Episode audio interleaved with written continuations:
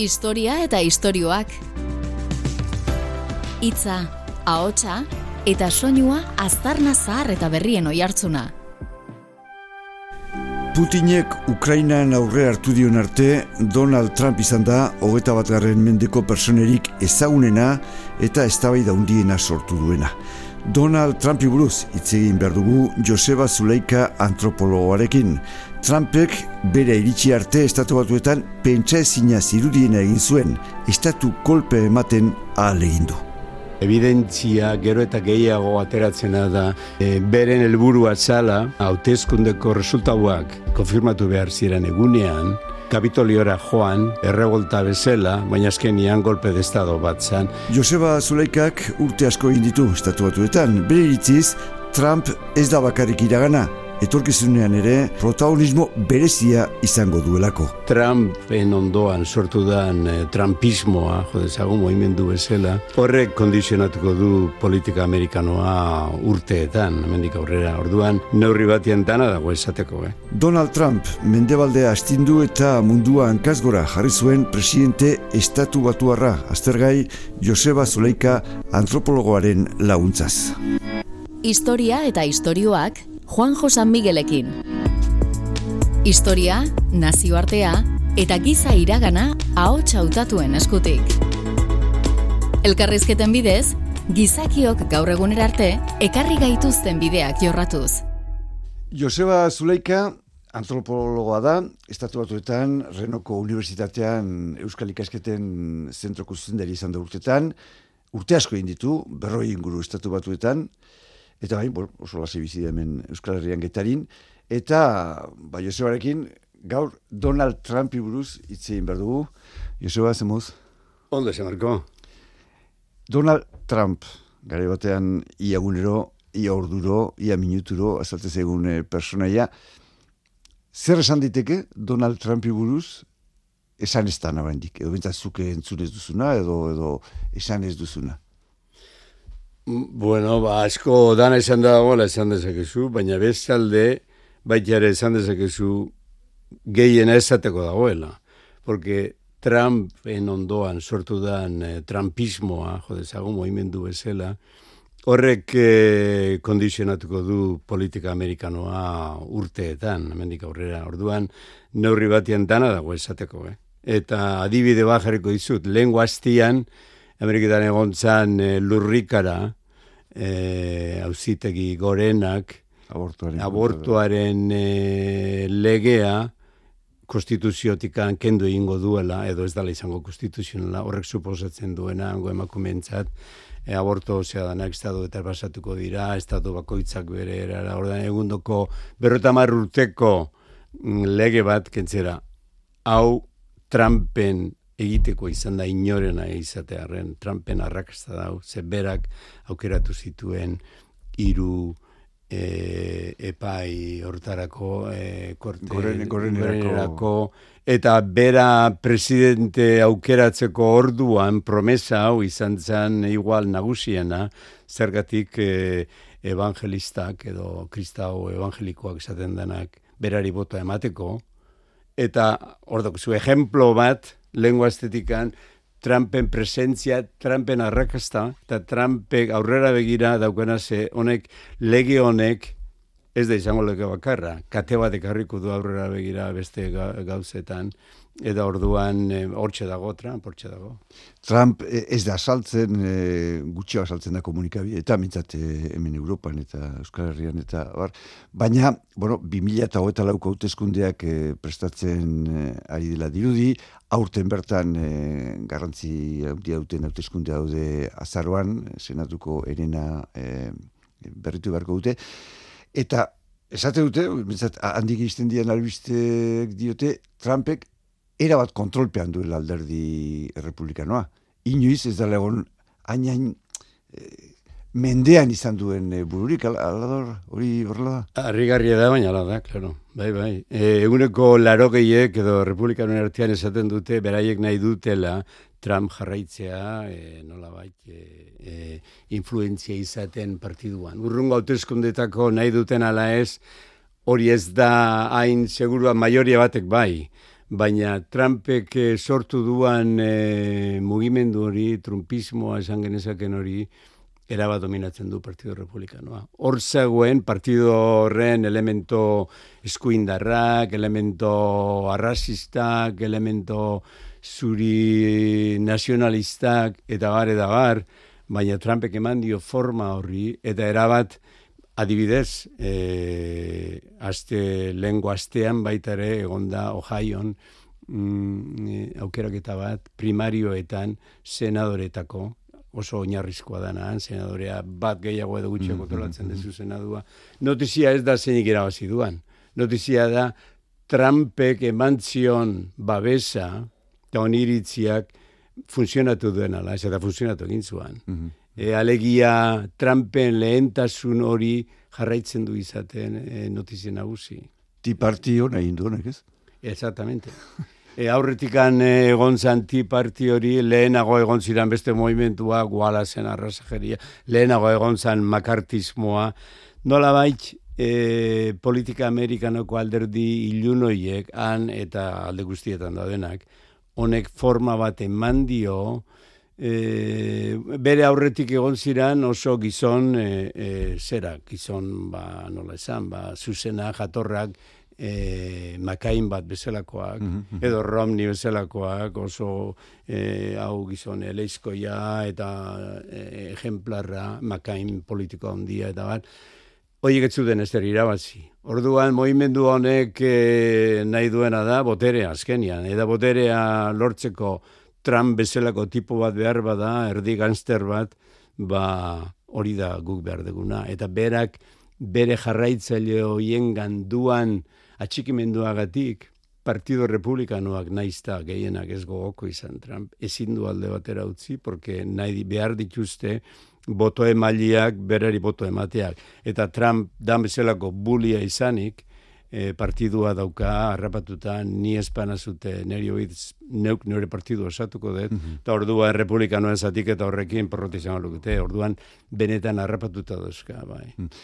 E, senatu ipatuzu, aurten, aurten goazaroan e, hauteskundeak dituzte, e, agintaldi erdiko hauteskundeak, e, senatuaren erena aukeratu beharko dute.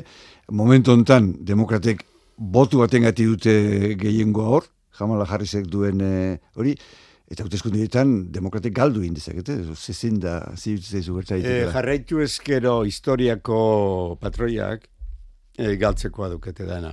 Osea, normalean galdu ingo dute. E, la urtete, la urtetera, urtera izaten dira autoeskundiak, eta tartean bi urtera izaten dira tarteko autoeskunde horiek orain azaroan etorreko direnak.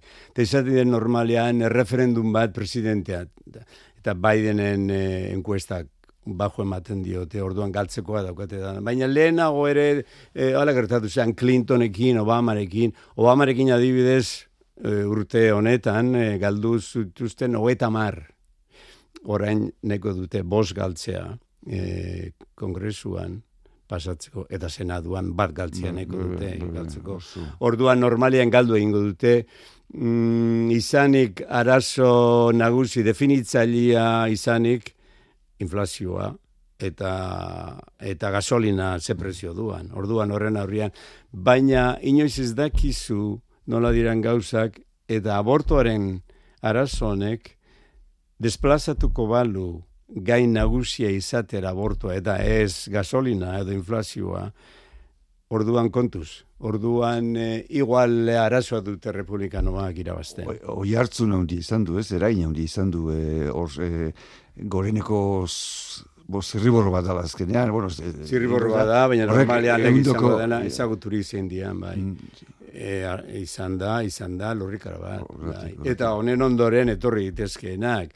Alegia, hau da, e, korte, dauzitegi gorenaren e, e, zera hau, hau da nola bait, republikanoak momentu honetan ez daukade poderek ez lehen ez senatuan ez kongresuan. Bakarrik daukate hausitegi gorena. Hausitegi gorena inuko aukeratze ez duena, presidenteak aukeratzen dutena, eta kasu honetan Trumpak eginez aukeratu izan zirenak, segertatu zen Obamaren azkeneko urtean, senatu republikanuak ez zuten pasatu nahi izan Obamak aurkeztu zuan autagaia, sin mas, por la jeta, ez zuten, azkenek urtea da, eta bar, eta gero, Trumpen azkeneko bila bete falta zirela hilzan e, kide bat, eta bila betean pasatu zuten etxando letxez. Mm -hmm. beraiek orain dauzkate bederatzitik bai, zei. Bai. Baina hau da hango demokraziaren ba, muga bat, minoria batek, nola kontrolatzen duan eh, maiori amerikanuak nahi ez duen gauza bat, amarretik zazpiek aborto legaren alde daude. Orduan minoria batek, ba nola bait, e, eta demokrazia eta zitzegitean beste alderdia da, da e, senaduan erdizka daude, berreta berreta mar, baina demokratei emandako botuak, republikanoa emandako botuekin beren estaduetan berrogi milioi gehiago dira demokratak.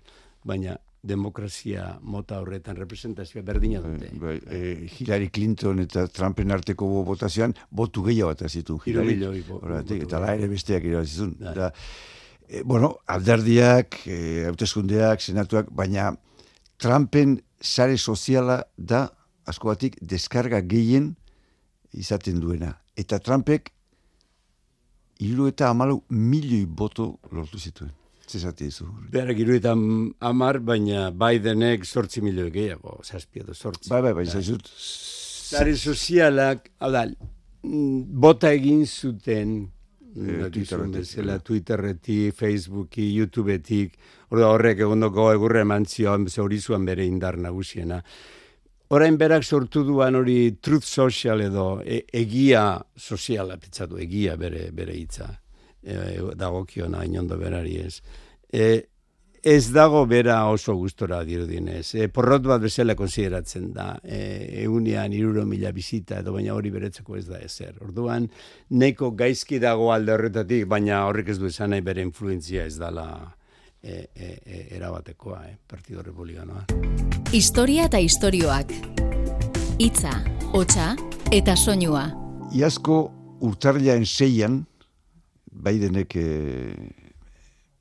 bere e, kargu hartu behar zuenean, edo karguari zine bueno, kapitolioko istilioek izan zian, oain kongresuan hori kertzen ari dira, eta batzorde hortako batzuk esan dute Trumpek, eta bere e, alderdi kide batzuek, estatu kolpe bat eman nahi izan zutela.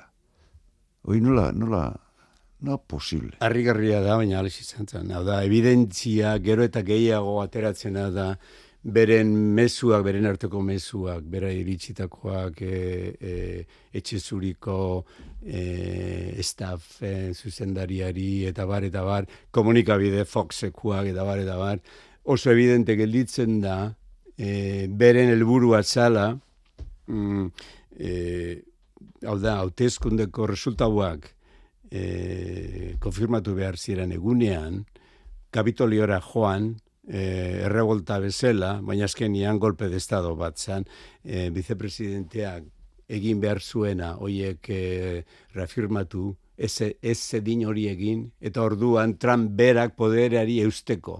Orduan deskaradamente egon zan bere inguruko talde bat, eta republikanoko zuzendari batzuk ere bai, eta gero abogadu xelebratzuek tartean zirala, Eta orduan hau izan txan golpe ez da du, e, ez, funtzionatu, neurri batian e, erakunde demokratikoak mm, sostengatu zutelako.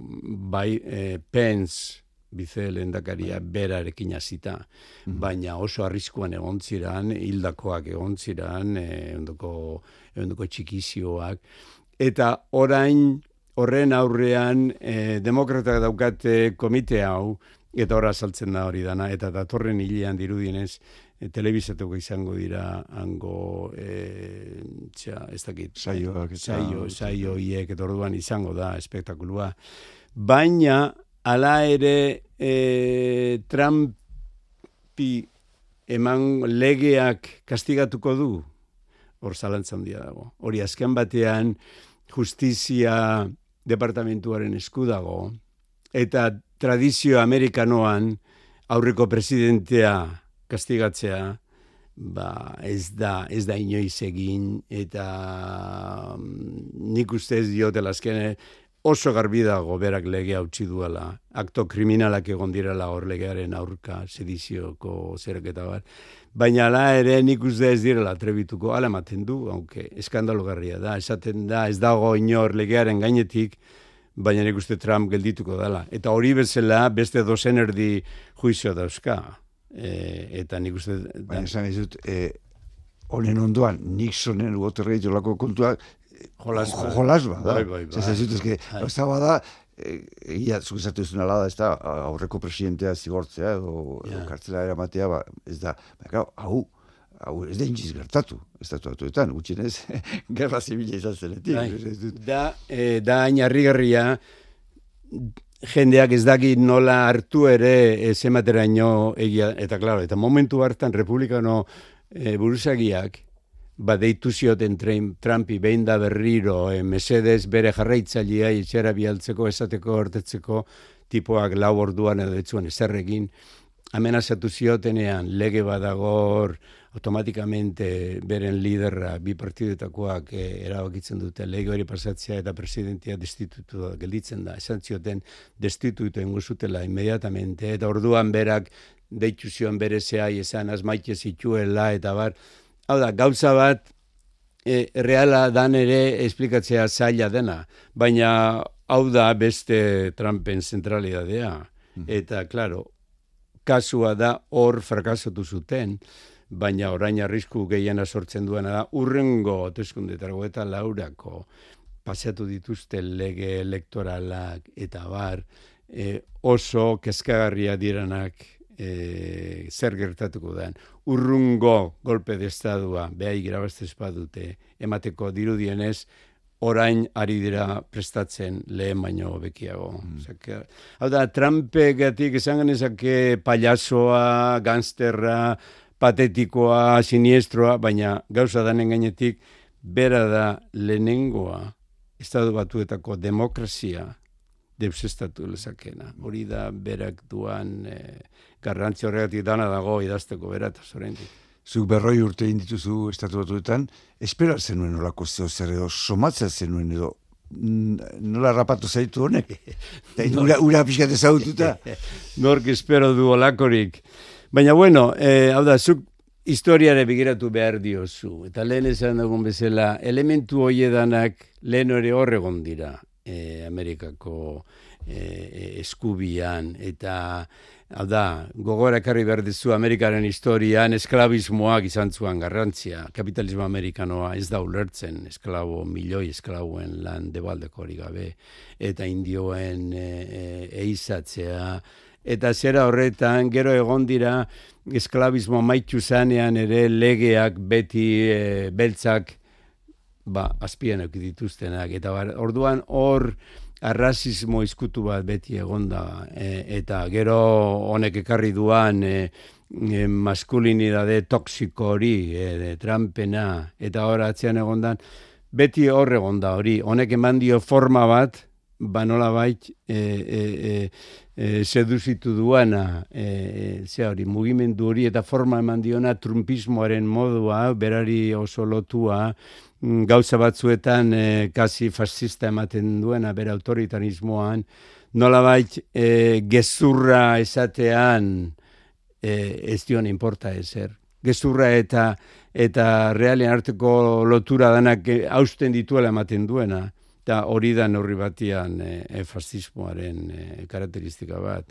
Mm, diferentzia hoie borratzen dituzu eta gero realidadea zer dan, edo zer gauza sinistu zenezak ez zure jefeak esaten dizuna sinisten duzu konspirazio danak izan ere. Baina tradizio hori beti egon orduan harrigarria izan arren luzera begira igual ez da hain harritzeko. Hortxe zegoen hori eta hause zuan momentua. Horixe, hasieran esan hasieran esan duzu, hori hor hor zegoen, honek egin duena izan da pixat eh, bildu eta eh, forma bat eman da bat, eta bere aginte garaian zer aldatu estatuetako gizartean? Zure iritziz? Ba, ze- eh, hau da, berak eh, aldatu du, hau, adibidez, hau, eh, gezurra esate hau, eh, gertakizun, zer, nola bai esateko eh, politika, kasetaritza eta demokraziaren arteko harremanak erabat mugitu ditu honek. E, honentzako kasetaritza etxaiak dirazin maz, kasetariak ez daukate egiarik, eta bere helburua izan da kasetaria desprestigetu, gertakizuna desprestigiatu, eta eta zera horretan fantasiasko realidade hori nola bai inposatu, nik uste fantasiaren importantea dala, ez astu bera Las Vegasen dauka, torre handi Las Vegas da fantasiaren iria, da e, Gatsby novela fizen haren e, gaurkotze bat da Trump mm -hmm. batian orduan berak izana da nik nire jarraitzaileai beraik amesten duten fantasiak ematen dizkia. Bueno, Gatsby bitzatatzein esan. Eta oso, eta oso... Hau ero oso atsegina da bere jarraitzaileentzat. Ez da bai, bai. Orduan eh, berak sortu du zera hori nola bait e, e, e, inorantzia e, nahi bilatu bat, inorantzia aukeratu bat. E, e, lakanek e, psikoanalistak esaten zuan hiru grina dauzkagula ez. Amodioaren grina, gorrotoaren grina, eta ez jakinaren grina, ez dugu jakinai. Ta zer ez du jakinai publiko Trump, Trumpistak, ba ez du jakinai, ba Imperio Amerikanoa ba, gainbera dijoala, bat ez bera zelako figurakin, ba ez du jakinai, bere garra azkeneko edanak aldu dituela, ez du jakinai e, globalizazioan ba, bera kompetitoreak dituela, ez du jakinai bere, bere arrazismoa, bere historia ez du jakinai, esklabismo ez du jakinai, orduan eskoletan da guzti e, horren kontra. Orduan hori da behintzat, eta gero aldatu ditu politika internazionala, e, bere aliantza danak moztu nahi ditu, e, Europakin, adibidez, e, aldatu du, hori, Amerika lehenengo, America First, zer hori, e, nazionalismo hori ezari du, e, aldatu du, e, aldatu du ekonomian, ba hori, e, gure lehentasuna eta nazionalismo utz hori, ez? Eta egindako guztiak egin ondoren, orain, e, ba hori, estatu kolpe hori ba horra saltzen ari data, horrek eramango alditu batzuk bintzateo lehen botu eman ziotenak botu erretiratzea, edo ez, gehi izango ditu ze... Oso gutxi. berak egiten duena, berak zaten du, e, behin izan zuen, ez da, bai. garren abenian, ez da izin badut, ez da, botu gehi emango dira gainera. Hau da, pentsatzen dugu e, fantasiekin, e, hori fantasia da, ja, amaitu ingo litzakela, puzle bat hautsi bezala. Ez da, amaitu, fantasia derri horrekoa da. Barruan daukagun, zer, eutxi egiten dio. Orduan zuk esaten dio zu trampen adanak ez direla, baina ez dezu aldatuko hori dalako zure realidadia. Eta orduan, e, e, ba, ba, ba, hortxe, hortxe jarraitzen. Egon dira, seinale batzuk bere jarraitzaileen artean e, zerbait jetxitzean e, zenbakien arabera. Adibidez, horren lehen urtean galditu ezkero zein da zure lehen fideltasuna Trump berari ala alderdi republikanoari. Gehienak esate zuten Trumpi, berreta magoz edo. Orain, eguneko berreta bostek edo esaten dute Trumpi, eta berreta magostek alderdiari lehentasuna, lo cual esan nahi du alderdi trumpismoaren ekonomiko arau, arauak eta politika internazionala eta hau e, ba, evangelikoen zera honekin ado segunda ere, igual bera ez dala personaia honena trumpismoaren e, movimentu hori eramateko orduan badago horrelako zera bait. Bestalde baita ere e, badaude beste kandidato batzuk pens bera, ematen dutenak azalduko diranak berari, e, berari kontra eginez. Ja, badago baita ere berak babestu dituen primarioetako kandidato horiek lehen guaztean irabazi gintzuen importante, baina, baina daude beste batzuek galdu egingo dutenak orengo inkuesta denen abera.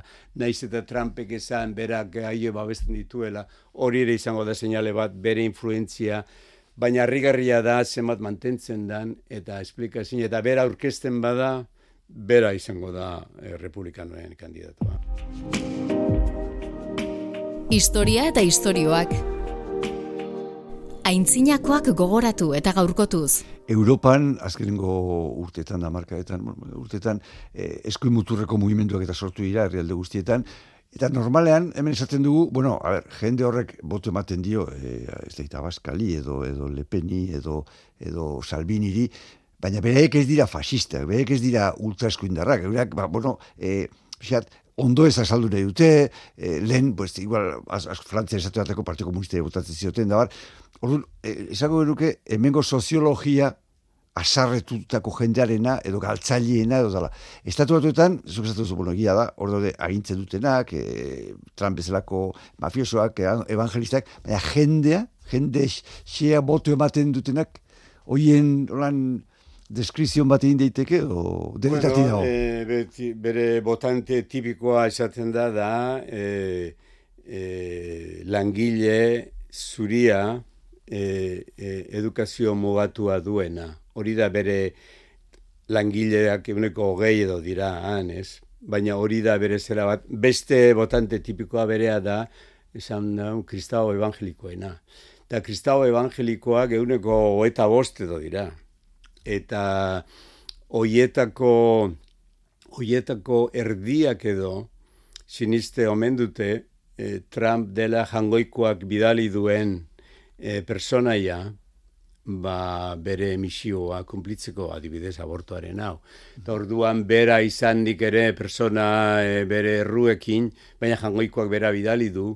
Eta orduan hor daukazu e, bere inguruko, ze, baina hain numero altuak dira, ezin da, ezin da banalizatu, bera jarraipen hori, baina hauek e, zuri, langile haue globalizazioekin atzera gelditu direnak, eta urtero egun bat mila opiaziduak suizidatzen dianak, hori benetan da, benetan da zera, ez? Mhm, eta mhm. orduan, e, e, demokraten botantiak izan dira historikoki, baina demokratekor galdu egin dute zera hori, eta orduan demokraten kontrako errebolta bat ere bada, e, Trumpi edo aldanari bota, porque mm. ez digut zute ezer lagundu, ez digut zute gure arazoak, gure lanpostua Mexikora joan dira globalizazioarekin edo beste nora bai.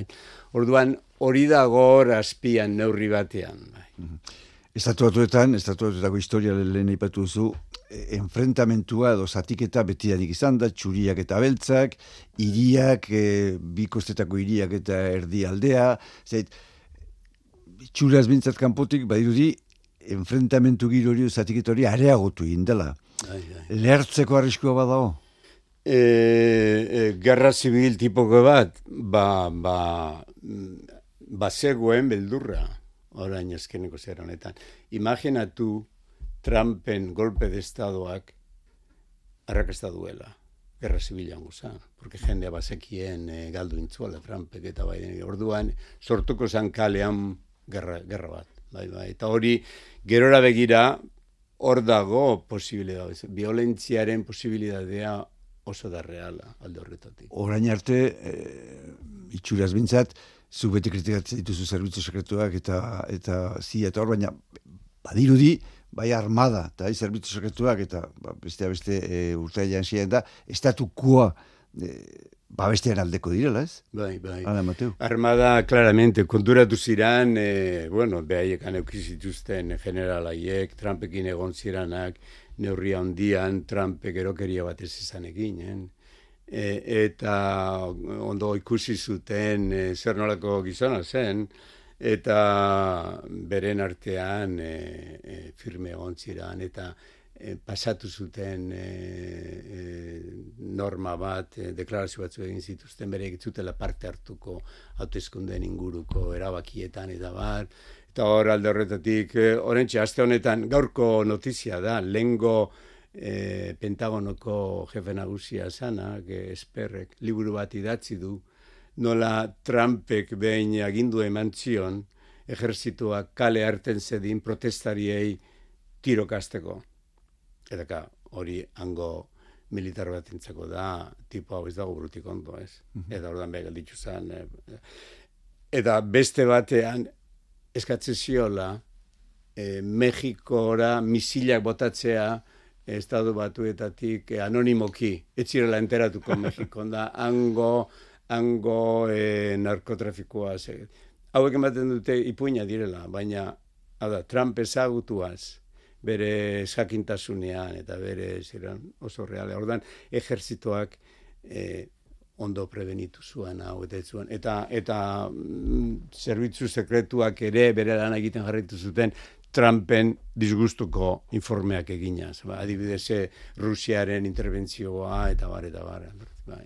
Baina bai, ni kritiko izan naiz, hau da, sin mas, porque begiratzen, azten bazera aztertzen, hango eh, militarismoa da, sin mas, eh, imperialismo militarista txinistu ezinikoa Amerikak momentuan daukana. Beste nazio, urrungo sortzi amar nazio, baino, e, zera... E, e, aurrekontu handiagoak. Handiago dauka, ez dakit zazpireun sortziren e, la, e, postuetan munduan zer dauzka beren, beren baseak, eta bare da bar da imperialismo total, e, e, hau da, mm, esplika ezinekoa eta justifika ezinekoa, eta nola bait, ba, bueno, eta bere azkenenko gerra hauek e, Iraken, zera, bueno, orain Ukraineko gerran gaure, baina Iraken zera izan dira gauza batzuk inolak justifikazio gabe, eta eundaka, hau da, milioi bat pertsona hil zituztenak Iraken eta bar. Hmm. Zeren, zeren zeatik imperialismo Amerikaren e, gerra zaletasuna armak saltzea, ez dauka inolako esplikaziorik, eta niretzako hori da realidade bat, e, oso oso bortitza bai. Denboraz gaizki abiltzea bukatu, baina laur laur, nora dijoa estatuat, nora dijoaz estatuatuak? Bueno, ni ez naiz profeta ona, eh? nire iritziak utzi balio du.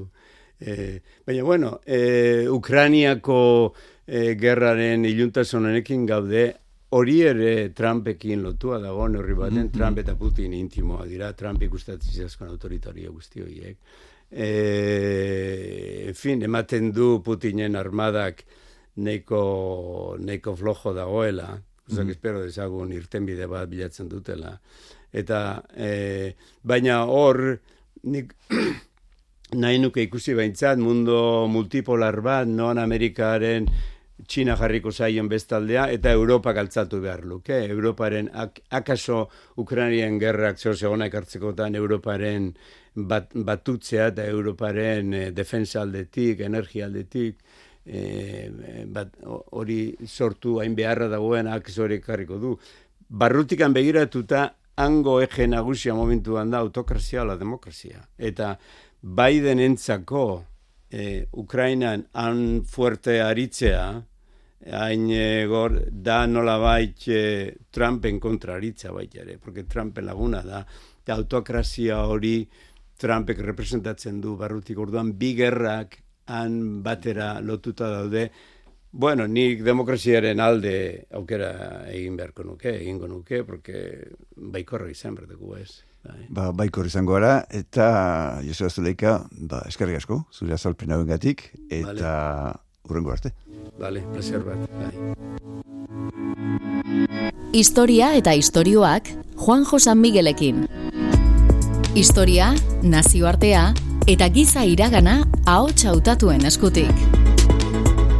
Elkarrizketen bidez, gizakiok gaur egunera arte ekarri gaituzten bideak jorratzen.